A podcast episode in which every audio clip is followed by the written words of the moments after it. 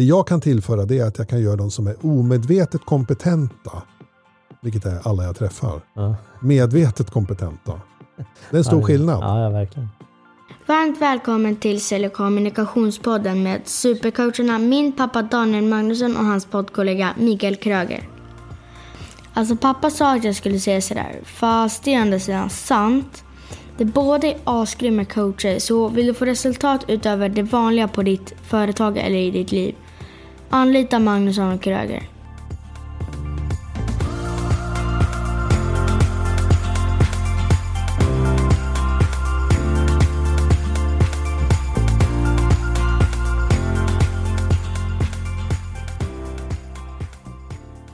Du lyssnar på Sälj och kommunikationspodden med Magnusson och Kröger och idag i studion så är det jag, Daniel Magnusson, tillsammans med en gäst, Lars-Johan Åge, som är då eh, ekonomiprofessor och eh, han har också skrivit boken Happy Happy. Fem steg för att komma överens med vem som helst. Eh, och det är ju inte en vanlig liksom, förhandlingsbok heller, utan det handlar väldigt mycket om att, att eh, komma överens, skapa samarbeten, skulle jag säga. Ja, det stämmer. Ja, varmt välkommen! Tack. Du, eh, Lars-Johan, berätta. Jag läser också, du har arbetat tillsammans eh, med FBI också. Det här är spännande. Vad, vem, vem, är, vem är Lars-Johan om vi börjar där? Ja, jag är eh, forskare till yrket och eh, har intresserat mig för det här med hur man kommer överens med andra människor under en längre tid. Eh, skrev en avhandling om det en gång i tiden. Eh, men då handlade det mest om affärer och så. Sen har jag faktiskt tittat lite, precis som du säger, på, på andra sammanhang. Hur gisslanförhandlare till exempel inom FBI eller svenska polisen jobbar. Mm. Och faktiskt hitta en del gemensamma nämnare. Det finns ju också jättemycket forskning på området. Mm. Problemet är bara att den här forskningen är spridd inom så många discipliner. Just det. Så det är ingen som kan läsa den. Så jag har kokat ner allting viktigt, kan man säga, Mm. eh, i fem steg. Då. Och det är grunden i den här boken, Happy Happy, fem steg att komma överens med vem som helst. Just det. Så, och, och det är väl det som också är tydligt. Det är uppdelat i två delar också. Eh, är forskningen och bakom och sen del två där du, där du kan liksom omsätta det i praktiken. Ja, precis. För det här är någonting som är angeläget för de flesta människor. Och, och även om inte alla människor gör affärer så har man kanske en, en någon form av familj eller socialt liv. Ja, Och man kanske har en fritid där man möter människor som man måste samarbeta med. Och hela poängen med boken egentligen är att visa på hur man kan maximera sina chanser då att samarbeta med andra. mm. För det är något väldigt viktigt, det ligger i våra gener att samarbeta med andra. Samtidigt så kan vi alla bli lite bättre på det. Mm. Mm. Så om vi, ehm, jag tänker att vi, vi liksom de här fem stegen då, vad, vilka är de? Som jag tänker att vi kan djupdyka i sen. Ja, precis. Eh, De fem stegen, de tar ju ett grepp då, alltså både vad man måste tänka på innan man möter den här personen som man ska komma överens med. Just det. och sen vad man ska göra under själva mötet. Så det är fem, fem steg som Ja. börjar med steg nummer ett som heter positiv känsla. Mm. Positiv känsla. Och steg två? Eh, steg två handlar om att man måste tänka till lite i förväg innan man möter den här personen. Ja, det. Det är inte sådär all... Förarbetet. Ja, förberedelse låter ju så tråkigt, men eh, Tänka till är bättre. Ja. även om man ska möta en bångstyrig tonåring så, att säga, så kan det vara värt att ta 20 sekunder och tänka till då innan man knackar på lille Alfons rum. Kanske. Mm. Mm. För då ökar chanserna till ett bra resultat. Just det. Och jag lä- läste någon bok om just barnuppfostran. Det det är föräldrarna som behöver ta en, lära sig ta en time-out och inte tvärtom. Ja, precis. Och faktum är att eh, en tonårssituation och en gisslanförhandling är rätt så lika varandra faktiskt. Ja, För, för, för, för, eh, polisen eller föräldern måste ta ansvar för båda parter. ja just det. Just det. Och, och sen steg tre. Steg tre då, efter man har tänkt till, då ska man eh, så att säga, etablera en bra kontakt. Mm. Så är, det steget kallas för, kallas för fixa relationen. Och sen Fixa efter relationen. det så ska man eh, lägga fram sina argument på bästa sätt. Mm. Det kallar jag för snacka rätt. Snacka rätt. Och sen då, oftast så går det ju vägen med de här fyra stegen, men om det inte skulle göra det så måste man ha någonting ifall det går helt åt pipsvängen ändå. Ja, Eh, och då har jag någonting som heter plan B som är steg fem. just det. Så positiv känsla, tänk till, fixa relationen, snacka rätt, ha en plan B. Exakt. Härligt. Och det, det som, jag, som, som jag just reagerar över i den här boken, eh, just som i del två, där med att, att det är verkligen så här handfasta och tydliga alltså handfasta råd och tydliga scenarier, vilket gör att det blir väldigt applicerbart. Ja, precis. De flesta eh, behöver ju kanske några tydliga exempel. Så här gör du med din partner vid köksbordet, så Mm. här gör du på jobbet och så här gör du på fritiden. Just det. Så man kan se att de här fem stegen, de är liksom universella, de finns i alla sammanhang och de Mm. måste man ha med sig. Just det. Och man kan väl också säga det att eh, det som är så tacksamt med den här boken att visa den för folk eller berätta om den, det är att alla som hör det här är ju experter på det här från början. Ja. Det ligger i vårt DNA att samarbeta med andra. Ja. Det jag kan tillföra det är att jag kan göra de som är omedvetet kompetenta, vilket är alla jag träffar, Ja. medvetet kompetenta. Det är en stor ja, skillnad. Ja, ja, verkligen. Det är ungefär som en tennisspelare som bara eh, lyckas vinna matchen men vet inte varför. Ja. Eller en tennisspelare som har en tränare som, som vet att det finns olika slag, olika grundslag och vet vad han är bra på och vad han ska träna mer på. Den skillnaden gör att man kan, när man blir medveten, då, göra rätt lite oftare. Mm. Och det behövs inte så mycket för att det ska göra stor skillnad. För många av de här tillfällena när vi träffar andra som vi ska komma överens med, de kan vara ganska viktiga för oss Mm. Verkligen. och vårt liv. Så om du gör rätt en gång oftare i månaden eller två gånger om året oftare än tidigare så kan det ha ganska stor effekt. Det kan ha eh, lika stor skillnad som ja, egentligen vad som helst när det gäller Ja. Familjelivet eller yrkeslivet. Ja, ja, ja, verkligen. Allt ifrån att du kanske, ja men du, du jag, förhandlar till att du ska åka på, på den semesterresan du vill åka på. Ja, exakt. eller till att, att få en högre lön eller få in affären eller vad Ja. det än är. Liksom, det kan vara ju avgörande för din framtid, vissa saker. Absolut. Kanske inte semestern, men, men, men, Ja. men många andra saker är väldigt avgörande. Absolut. Och framförallt, och det, det som, om kopplar just till, som du har döpt boken också, eh, innan, innan vi liksom går in och tittar lite närmare på de olika stegen, just, du kallar ju också happy happy, Ja, istället för win-win. Och happy happy, så, så, och det är väl det det handlar om också, att just att ha en, en bra relation i slutändan. ja win-win det låter ju lite grann som man mäter någonting med en viss tidpunkt. Mm. Jag vann det här, vad vann du för någonting? Mm. Och det funkar ju inte riktigt så. Eh, för om du möter dem på ditt jobb eller i, privat för den delen, Mm. så vet du att ni kommer oftast att ses igen. Va? Mm. Det är inte som eh, när man var barn och skulle dela upp ett glasspaket, att man gick och hämtade linjalen liksom, så båda fick lika mycket. Köpte en iglo, eller vad heter det? Man kunde dela på hälften. ja, precis. Så, så gick det inte riktigt så bra heller. Nej, nej. Eh, nej men precis, det är en klassiker. Och, och den värld som vi lever i idag behöver ju mer hållbara lösningar än att dela saker på mitten. Ja, Eh, och det som du blir nöjd över kanske inte alls jag värderar. Va? Så Nej. vi kan ju ha olika syn på vad som gör oss nöjda.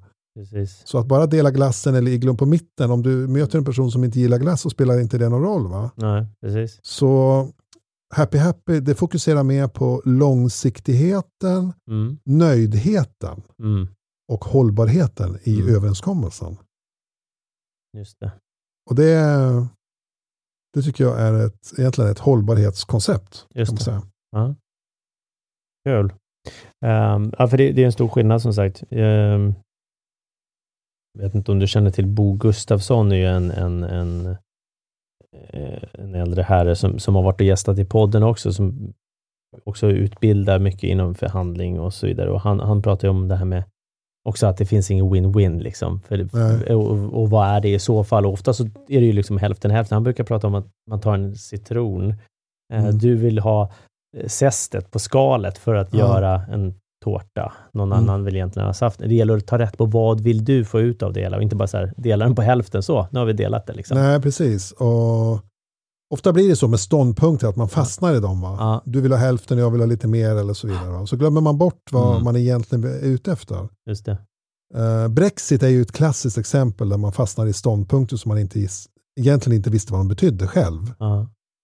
Eh, men man, man fäktar för de här ståndpunkterna För ståndpunkterna har ju den nackdelen att de börjar leva sitt eget liv efter ett tag. Mm. Och till sist kommer du försvara din ståndpunkt fast den egentligen inte representerar vad du egentligen är ute efter. Så, så jätteintressant. Och då tänker jag om vi, om vi skulle ta ett exempel på en ståndpunkt då, eh, i en förhandling. Ja, Eh, vi kan säga då att eh, ja, vi, vi, vi tar mig som ett exempel då. Om, om jag säljer ett, ett, ett, paket med timmar och sen så har jag då en, en kostnad för de eh, timmarna och mitt engagemang och så vidare. Det är liksom som ett hel, en helhet. mm. Skulle en ståndpunkt kunna vara hur mycket tid och engagemang jag ska lägga eller om man tar ner något till någon timpenning eller vad skulle, en ståndpunkt ja, den kunna vara? vanligaste ståndpunkten i affärer kan man säga, det är ju Ja. priset. Va? Ja, Att en person säger så här, ja, men, eh, jag vill bara betala 100 000 för det här. ja, Eller 10 000. Det spelar ingen roll. Ja. Det, är, det är mitt sista bud. Take it or leave it. Mm. Det är liksom en klassisk ståndpunkt. Och då kanske den andra parten säger så här, ja 10 000 det är, det är för mycket eller det är för lite. Va? Det, Mm. det här är mitt bud. Mm. Då gräver man ju ner hälarna på, på det sättet. Mm.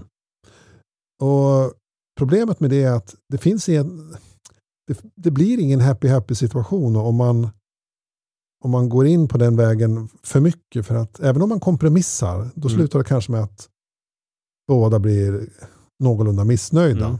och li- lite nöjd och lite missnöjd. Ja, precis. Oftast är det mycket bättre att prata om vad som egentligen är viktigt för dem. Varför är det just det här priset så viktigt för er? Mm. det är inte alltid man kan komma åt viktigheterna så att säga. Utan Nej. ibland så, det vet ju alla som har suttit i upphandlingar och så, va? ibland Mm. så är det svårt. Men vi kan ju ta ändå Brexit som exempel då. Mm. Att, eh, att lämna EU eller att stanna kvar. Mm. Eh, när man inte vet vad, vad lämna betyder. Mm. Man inte har tänkt igenom det. Eh, vad, vad innebär det egentligen? På vilka villkor? Hur kommer det det. att bli? Just Utan man bara säger on eller off. Då blir det en väldigt konstig diskussion oftast. Mm. Eh, forskning visar att om man, om man fastnar i sådana ståndpunkter då kommer oftast tre nackdelar. Sämre beslut, sämre relationer och slöseri med tid och energi. Och, Sämre beslut, sämre relationer och slöseri med tid. Ja, och Ja. energi eller Och resurser. Ja. Det är de klassiska eh, nackdelarna med att fastna i ståndpunkter. Ja, ja, Återigen då, Brexit. ja, ja, det är tydligt. Det är exakt vad som hände i tre år. Det var egentligen bara sista veckan där. Eh, som, innan de fick fram det här förslaget Ja. som Boris Johnson fick fram. Ja, Som de började förhandla på riktigt. Innan höll man på med något annat. mm. Det är ganska dyra grejer. ja herregud. Ja, och, och ja, En politisk kris i Europa under tre år, det kostar väldigt mycket pengar. Alternativkostnaderna. mhm.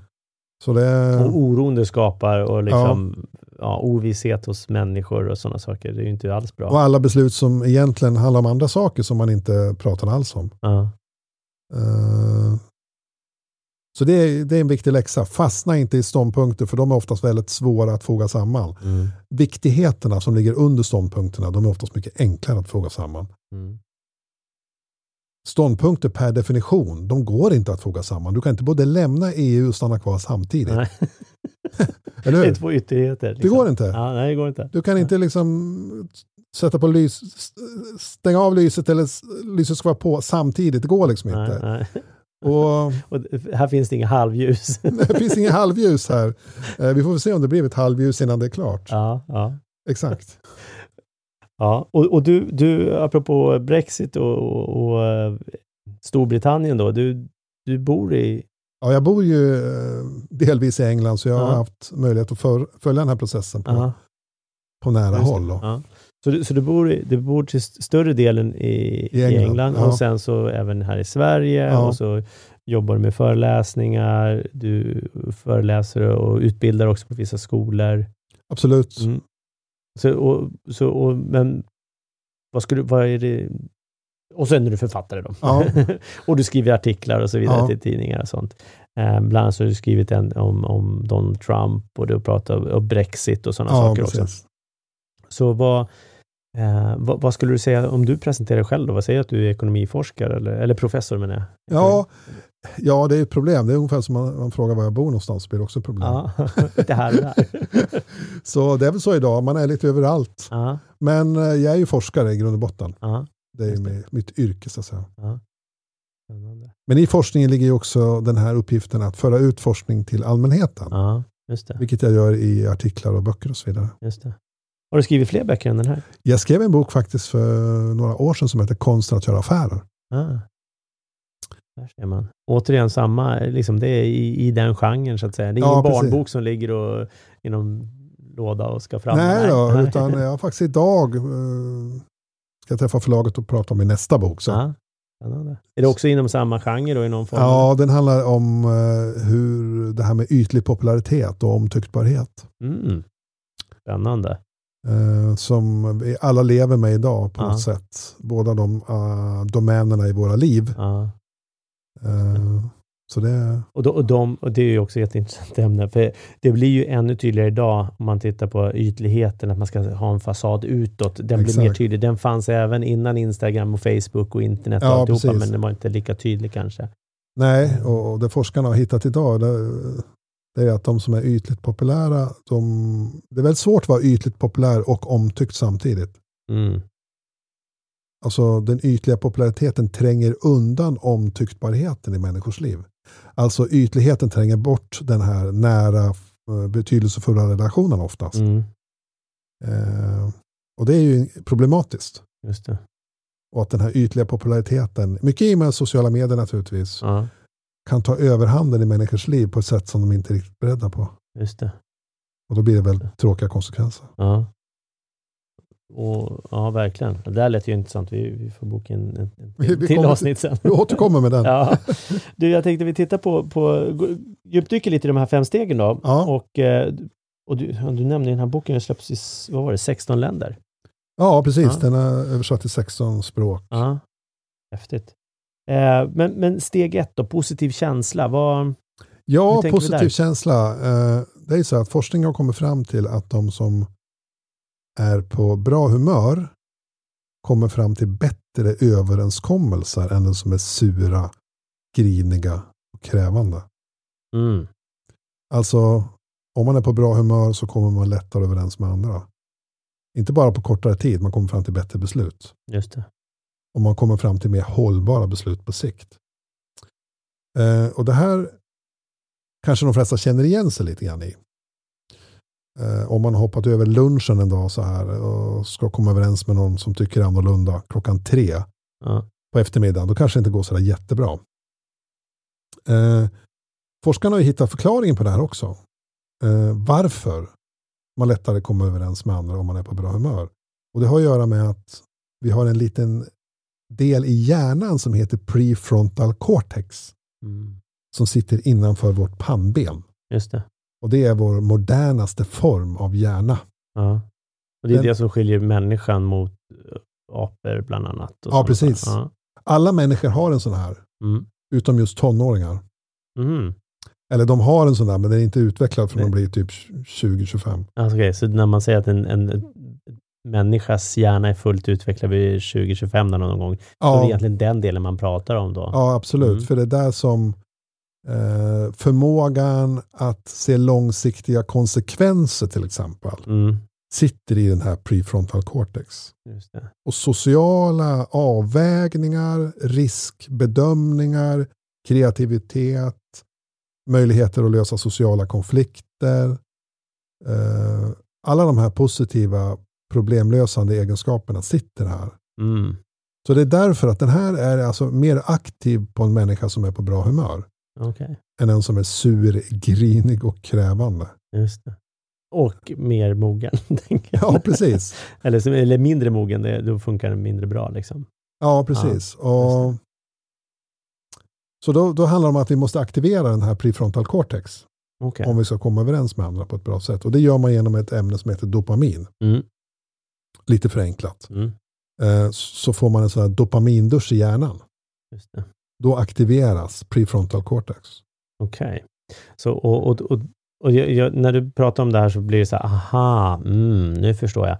Jag har ju en, en, en son som är, ja, nu är han 13. Nej, förlåt, 12 är han. Mm. Men han blir 13 om ett år. Men, men han, han, han är ju 12 och eh, det, han exempelvis, han får ju mycket dopaminkickar. Han spelar ju mycket tv-spel som de flesta ungdomarna gör idag. Eh, så att Men samtidigt kan det bli, känns det som att det kan bli en negativ effekt ibland. Att det blir för mycket, alltså man, man stimulerar så mycket i hjärnan. Ja, Ja. dopaminet är ju både någonting som man behöver ha, men man vill ju inte ha för mycket av det så att säga. Nej, precis. För det Alla- blir liksom en, äh, man blir junkie nästan, man vill bara Alla ha mer. missbruk är, är ju liksom på ett negativt sätt kopplade till dopaminet också. Men det det handlar om här det är att man ska få en alltså få kroppen att producera eget dopamin. just det. Eh, och det gör kroppen oftast när man får en glad överraskning till exempel. Mm.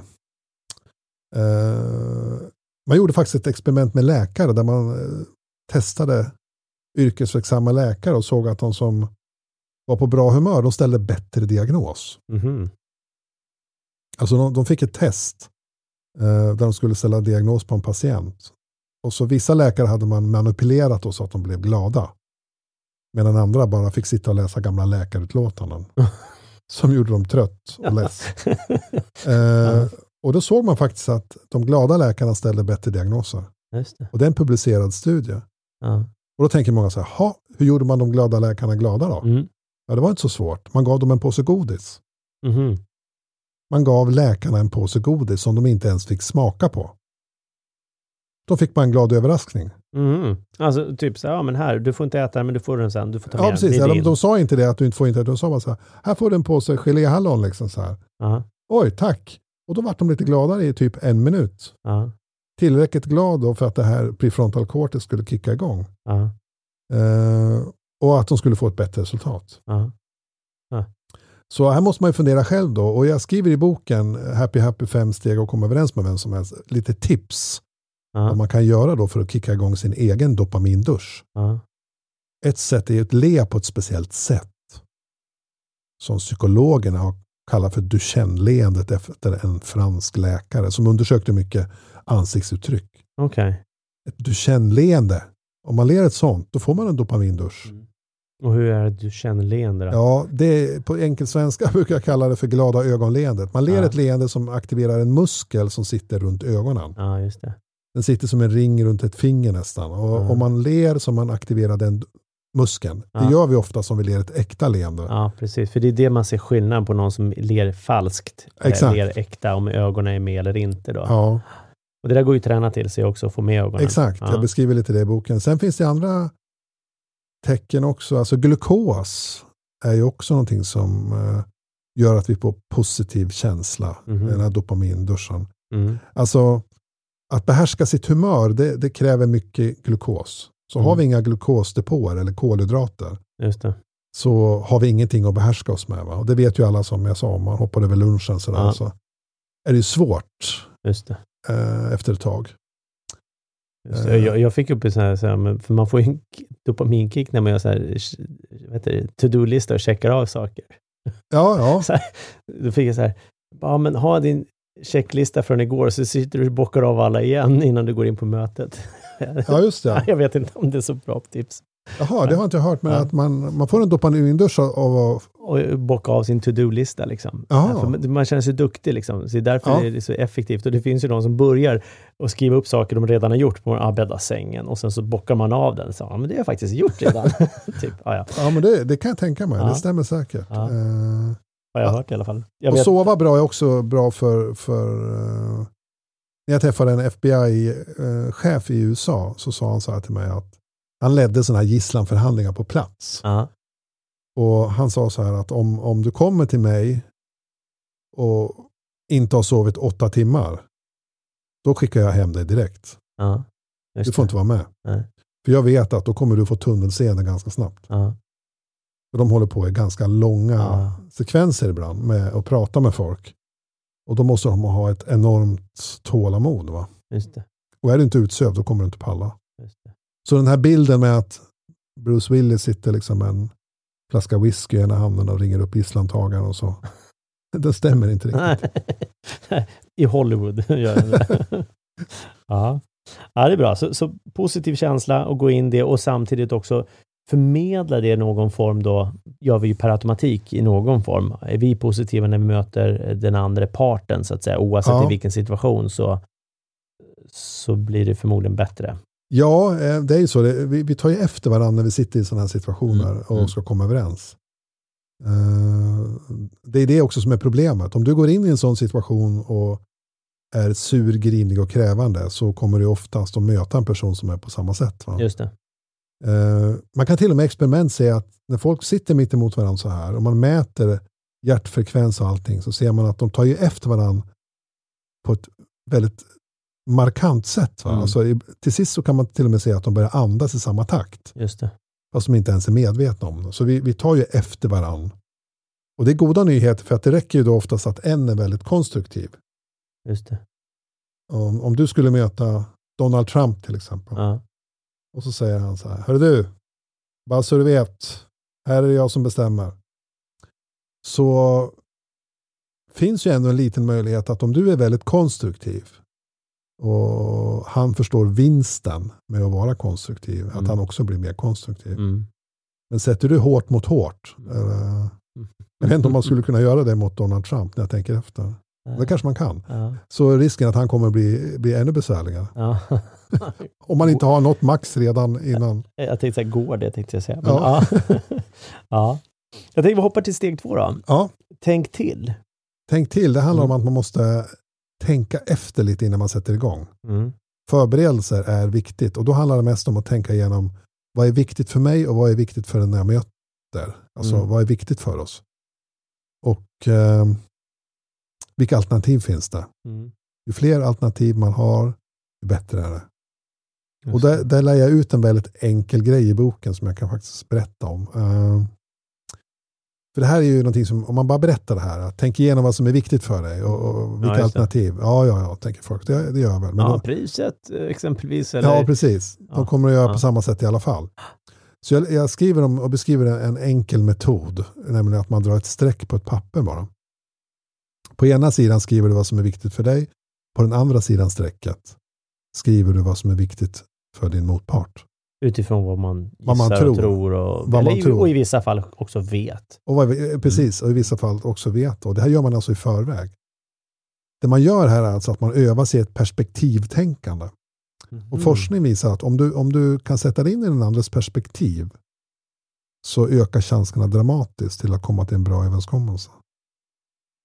Det betyder inte att man ska hålla med den andra personen eller att man kommer att säga ja till alla deras förslag. Perspektivtagande är mer att en förmåga Just det. som, som vi lätt tappar i sådana här situationer för vi blir lätt för självcentrerade. Va? Mm. Så det här är ett enkelt tips. Dra ett streck på ett papper. På vänster sidan strecket skriver man vad som är viktigt för mig. På höger sida skriver ni vad som är viktigt för, ni tror är viktigt för den ni ska träffa. Mm. Det här gör man alltså i förväg, innan säljmötet, Mm. innan mötet med chefen, innan mötet med kollegan. Så gör man det här och det här tar bara någon minut. Man kan också göra i sin, sitt säljteam inför en stor affär eller eh, inför en stor upphandling Mm. och låta det ta två timmar. Men eh, poängen är att man tänker igenom vad som är viktigt för båda parter. Ja, och jag tänker också i, om vi säger som i säljsituationer eller för företag. Det här är viktigt för oss när vi säljer våra tjänster, att vi behöver liksom leveranstider och så vidare. Sen så vad, vad, vad är rent generellt viktigt för våra kunder? Så man har det redan från början, de, de Ja, stora eh, delarna. Sen så är varje kund unik i vissa fall såklart. precis. Och då låter det enklare än, än eh, det egentligen är att lista vad som är viktigt. Mhm. För gör du det tillsammans med några, eh, några arbetskamrater och så, så kommer du komma på att ni börjar diskutera vad är viktigt egentligen. Mm. Ni kanske inte alls har tänkt färdigt när det gäller det. Nej, Och då kommer den här listan, kommer de förstå det. just det. Att här måste vi verkligen bli lite mer precisa. Just.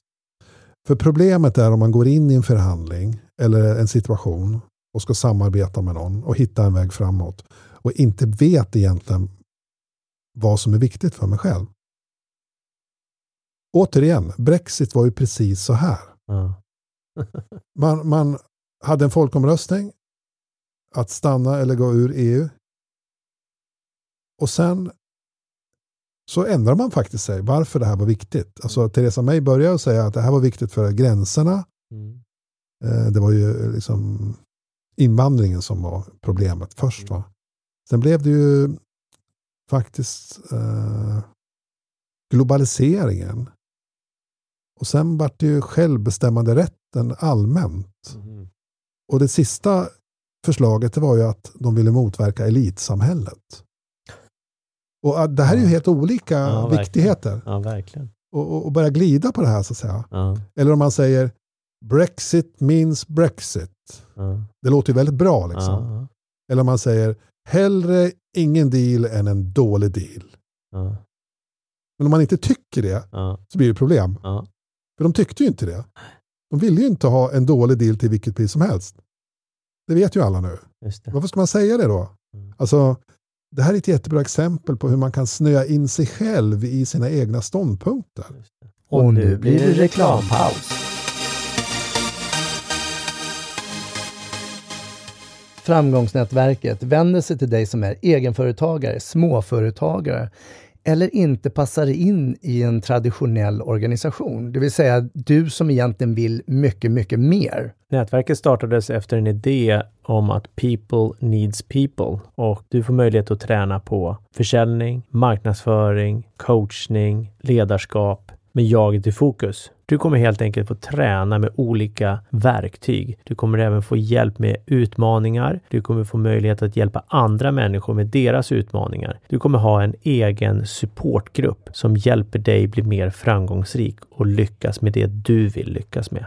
Och det här gör vi genom att träffas kontinuerligt. Den andra måndagen i ny månad mellan klockan 14 och 17. Så du får nio stycken träffar. Du får också AV, after work, efter träffarna. Du får en sommarlunch, en julmiddag, en gåva och en bok.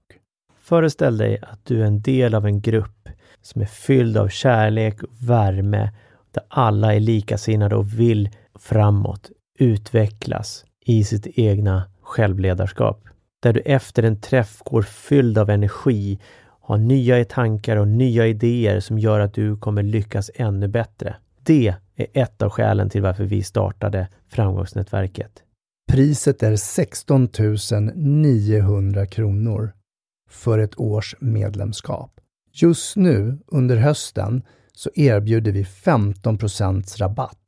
Så ditt pris nu är 14 365 kronor för att vara med i nätverket för 2020. Jag vet att du är nyfiken och vill veta mer. Du vill helt enkelt komma och besöka oss på en av träffarna. Hör av dig på vår mejl info at framgångsnätverket.se Skippa prickarna.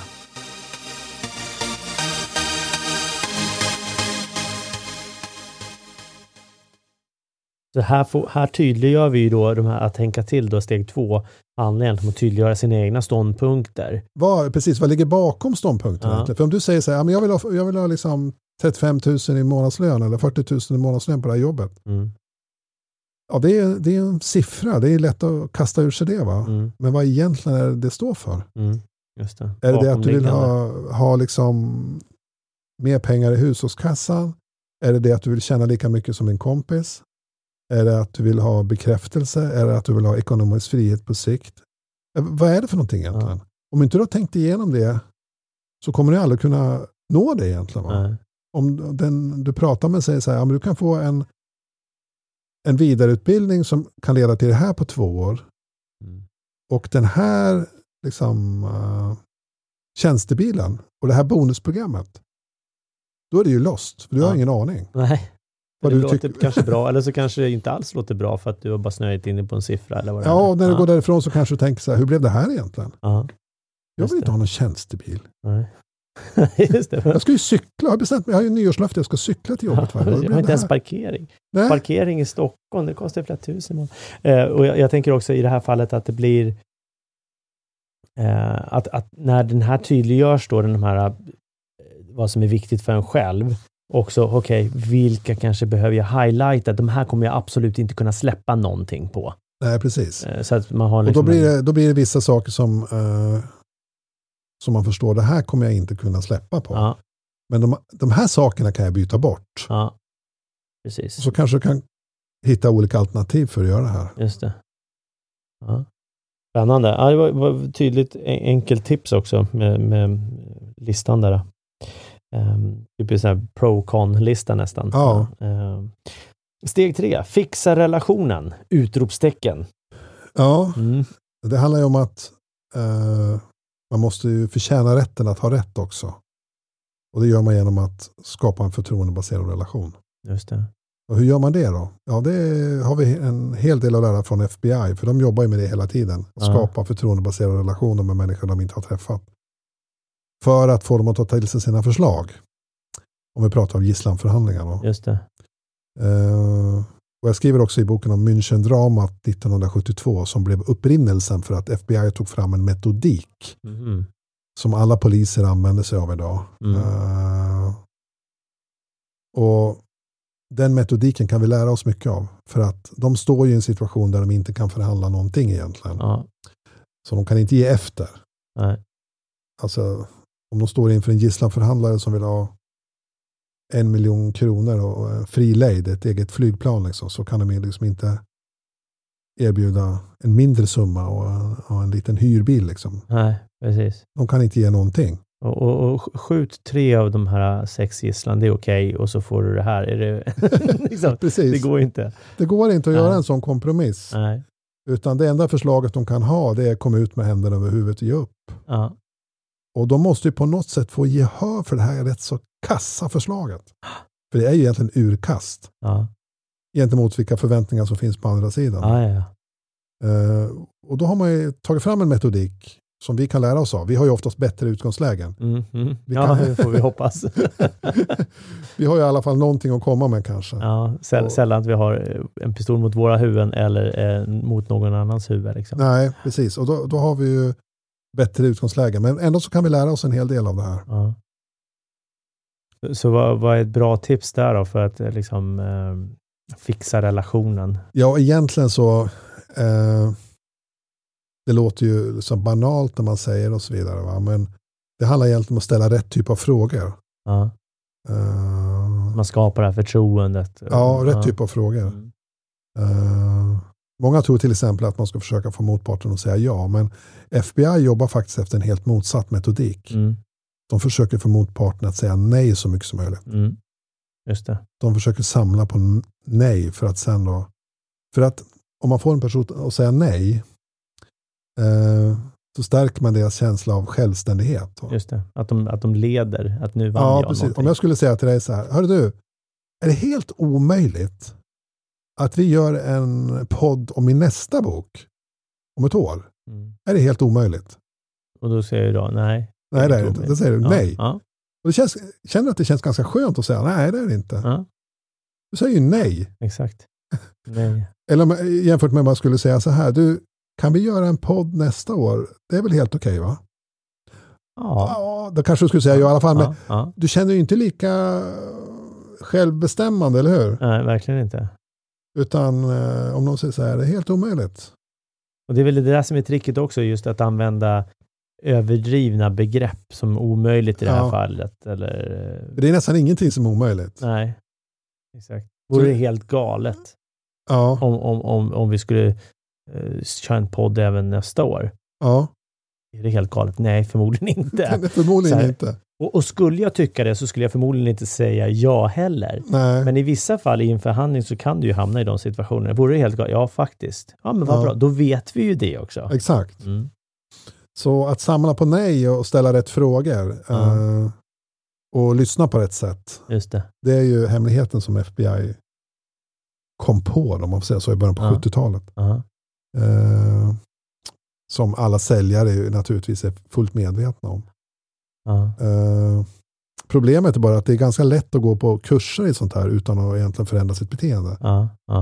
Eh, I boken använder jag istället någonting som kallas för as if-principen, det vill säga att man låtsas att man har uppnått någonting så, så gör man på det sättet. det. Eh, så jag tipsar och skriver om hur man kan med hjälp av att nicka. Eh, Så gör jag det samtidigt nu ser jag. Ja, du ser. Jag där. ser att du gör det. Det är bra. Ja. Eh, för då, genom att nicka kan man faktiskt eh, lyssna på ett annat sätt. Mm. Man gjorde ett experiment faktiskt i Japan.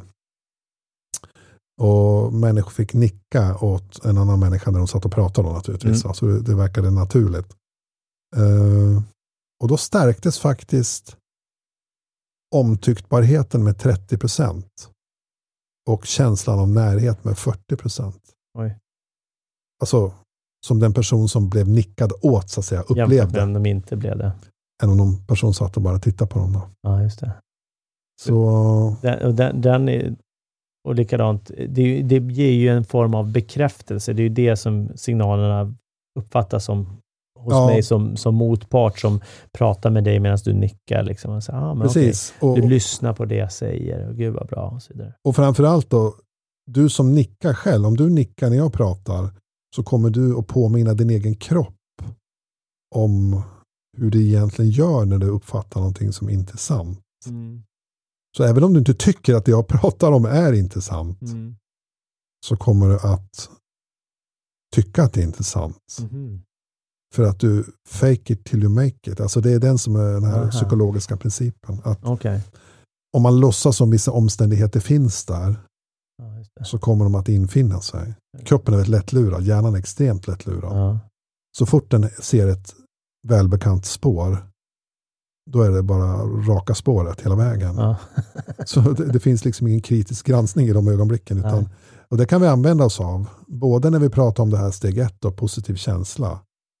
Hur det här leendet som, som uh, du känner leendet eller glada ögonleendet skapar de omständigheterna. Just det. Eh, det är också as if-principen egentligen. As if. Och det är en gammal princip inom psykologin, den är hundra år gammal. Mm. Eh, så det, det är ingenting nytt. Just det. Människors hormonbalans påverkas till exempel av hur man står. Och vilken kroppsposition man har vid ett skrivbord och sådana saker. Så det kan man mäta. Så vi ska inte bortse från att vi kan styra oss själva. Nej, ver- nej, verkligen inte. Nej, både sträcka på sig och upp med hakan lite, le Ja, och så vidare. Jämfört med att hänga med axlarna. Och, Ja, jag är inte så här vansinnigt förtjust i positivt tänkande, att man ska tänka sig till saker och ting. För det är oftast ganska svårt mm, på, på tankenivån så att säga. mm, Men däremot kan man ju agera så att man känner på ett annat sätt. mm, Eh, Det är oftast enklare tycker jag. Eh, eh, Att gå den vägen, att via kroppen få oss att känna på ett annat sätt. Eh, Och då kommer vi att tänka annorlunda. Så, så känslan kommer liksom först och sen kommer tankarna efter. Eh, Det är betydligt besvärligare att, att om du har en känsla i kroppen att börja tänka bort den. Så det. Det, det är svårt. Ja. ja, precis. Så det gäller att bryta mönstret med att bryta position exempelvis. Ja. St- eh, Steg fyra, snacka rätt. Snacka rätt, det handlar ju mycket om att inte fastna i ståndpunkt utan prata om viktigheten också. Ja. Eh, här kan vi prata igen om, om Brexit. Alltså att, att bara säga direkt så här att bara så ni vet, vi kommer aldrig kompromissa om de här åtta grejerna. Ja. Det var Theresa Mays första bud då efter Aha. folkomröstningen. Ja, det är klart. EU de svarar ju då typ att ja, men bara så ni vet Ja. Så kommer det, vi kommer inte att förhandla om hur relationen kommer att bli innan ni har skrivit på utträdet. Hoppsan. Mm. Det hade ju britterna trott att det skulle gå. Mm. Att snacka liksom först. Mm. De hade nämligen lovat sina väljare att inte gå ur för man visste hur relationen skulle bli. Mhm. Men den, det alternativet försvann ju på tio sekunder. Ja, så, så den omröstningen gällde liksom inte. nej, eller så- röstningen, ska jag säga. Inte så, omröstningen. Röstning. ja, nu vart det ju bara stanna kvar i EU eller lämna. Mm. Punkt slut. Va? Ja. Så problemen med ståndpunkter är ju att, som vi sa, då, de innehåller oftast inte det som egentligen är viktigt för oss. Så att Mm. fastna i dem för, för snabbt och för ofta, det är oftast destruktivt. Utan man måste prata om, om behoven och viktigheterna istället. Mm. Alternativen. Så snacka rätt handlar egentligen om, om att prata om olika ståndpunkter, vara öppen för liksom, egentligen att prata om. om. Prata om de bakomliggande sakerna. ja. Alltså, hitta sätt att, att fiska fram det som är viktigt. För det är inte, om du sitter framför någon och säger så här, ja men eh, Albert, vad är viktigt för dig då? Då vore det väldigt praktiskt om Albert alltid sa exakt vad som var viktigt för honom. Mm. I tre punkter. Mm. Men så är det ju inte. Antingen så säger han ingenting eller så säger han någonting som inte alls är viktigt. Eh, och då är frågan, hur får du reda på vad som egentligen är viktigt för Albert? Ja. Det är ju inte så lätt. Nej. Eh, Nej, jag skulle ju då säga, okej, och vad är det som gör att det är viktigt för dig? ja, Vad är det du värdesätter? Jag skulle ju fortsätta borra och det är väl det det handlar om också, Ja, att borra precis. vidare där. Sen så kan ju den personen, Albert i det här fallet, kan ju fortsätta att eh, ja, ge rökridåer eller hitta på någonting eller falska svar eller vad det än är. Ja, eller, eller kanske inte säga någonting. ja, och det kan ju till och med vara så att eh, Albert i det här fallet, som han kommer att heta då, Mm. eh, inte ens har tänkt efter riktigt. Mm. Han säger bara att "Men det är viktigt att jag inte betalar mer än 50 000 Mm. för din tjänst. Men han kanske inte har tänkt efter varför. Mm. Varför är det viktigt för? Precis. Och, Eh. och får vi ett bra underlag, då vet, ja, men då vet vi ju liksom. Ja, och, och, så man kan inte avkräva honom ett svar han inte har liksom tänkt efter. Va? Eh, många människor tänker ju samtidigt som de pratar. Va? Mm. En gammal filosof som heter William James han sa det. Hur ska jag veta vad jag tänker innan jag har hört vad jag sagt? Mm. det lät som jag det. Och det är många kunder eller så Ja, som agerar ja, så. Va? ja. Alltså, man tar bollarna på uppstuds och man pratar och så har man sin egen röst och så växer saker till fram. Men eh, det är inte säkert de står för det här eh, två timmar senare. För att det, bara, det här växte bara fram i stunden. Just det. Och det beskriver jag i boken, kallar det för svarta svanar. Alltså svarta Mm. svanar är någonting som vi, som vi inte känner till. Mm. Som kan kasta omkull allting vi trodde var rätt. Mm. Det kom fram till att eh, det kom, uppkom på, för 300 år sedan en massa forskare trodde bara att det fanns vita svanar och så åkte en person till Australien Mm. och hittade en svart svan. Så kom han hem och sa, jag har dåliga nyheter. Den här teorin om att alla svanar var vita, den är helt borta nu. Mm. Den är helt falskt. Och den var ju helt borta. Ja. Så en svart svan. Eh, det finns till och med en FBI-agent som har startat ett företag som heter The Black Swan Inc. För att han tycker att det är så viktigt att hitta svarta Just svanar. det. Chris Voss. Exakt. Ja. Känner du till honom? Ja. Oh, ja. ja. Jag har läst hans, eller jag, lys, jag lyssnar på böcker. Kommer den här på ljudbok förresten? Den kommer så småningom. Eh, ja, ja, jag lyssnar och sen läser mycket artiklar och sådana saker. Ja. Väldigt bra, just det. FBI-agenterna pensionerar sig när de är 55. Ja, Som har ganska mycket tid att hålla på med annat. ja, Och hans budskap är ju enkelt så att du måste hitta de här svarta svanarna. va. ja. Utan dem är du såld.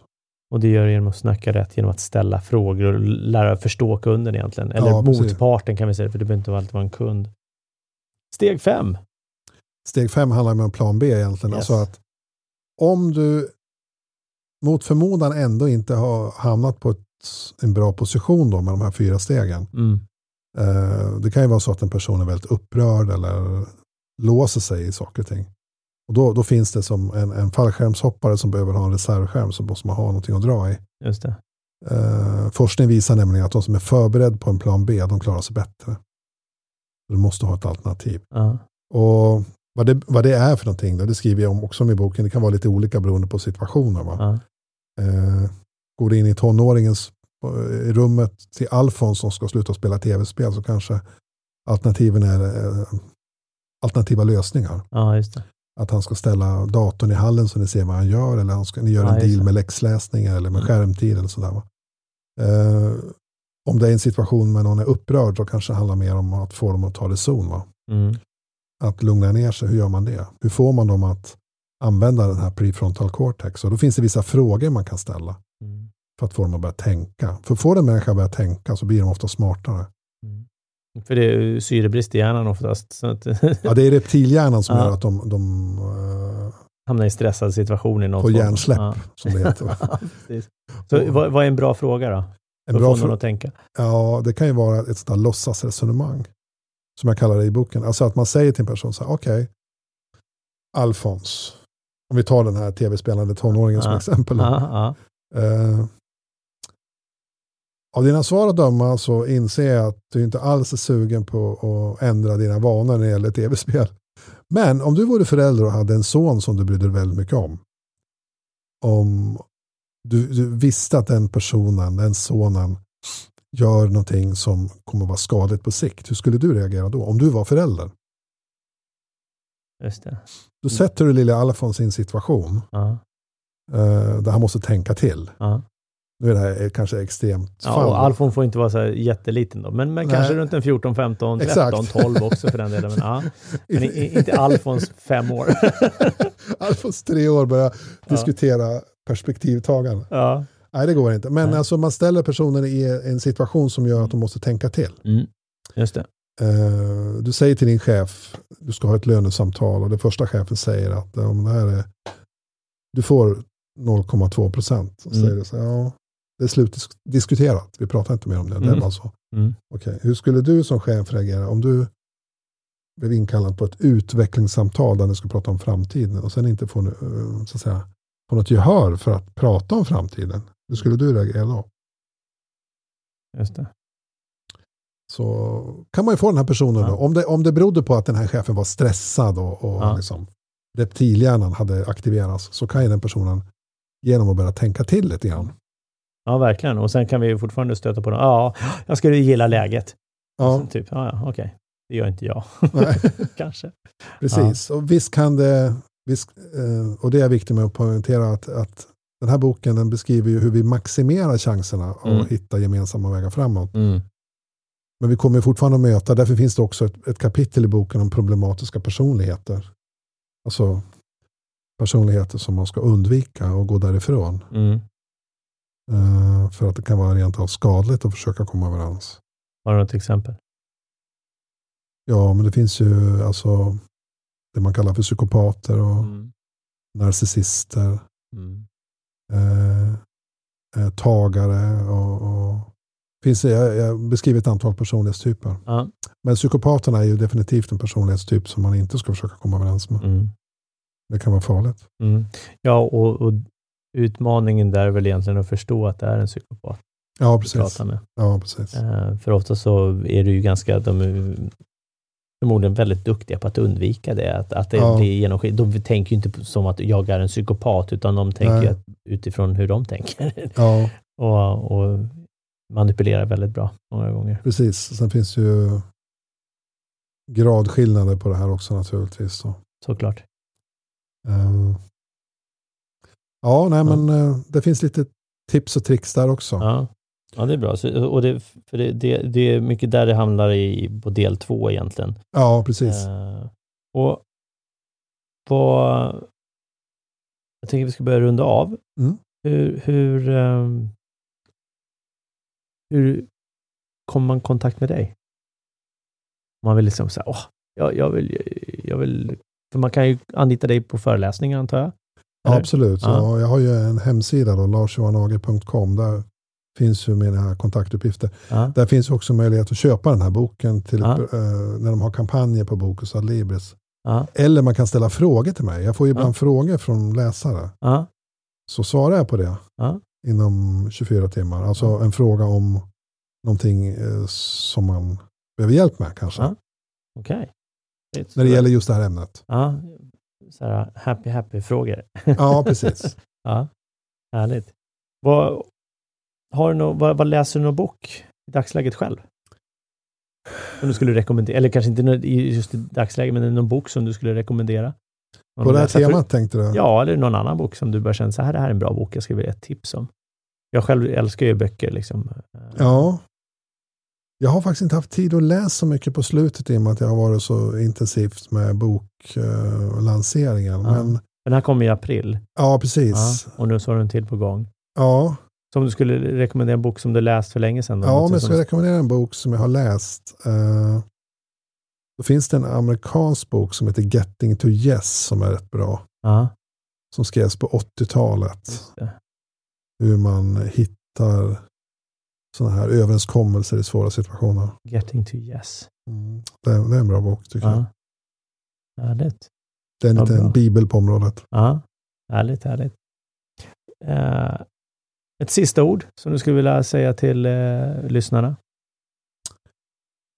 Ja, ta med er begreppet happy happy för det kan räcka ibland för att påminna oss själv om att vi ska försöka att hitta hållbara situationer med människor som vi möter. Mm. Fantastiskt. Tack snälla Lars-Johan. Tack. Du tog dig tid och eh, som sagt, vi, vi kan ju också tipsa om att du var ju med och eh, hade en del eh, dagens intro i november Ja. också. Så eh, där vi släppte kortare avsnitt både tisdag, onsdag, torsdag, fredag. Eh, det måste ha varit datumet typ den 19 tror jag.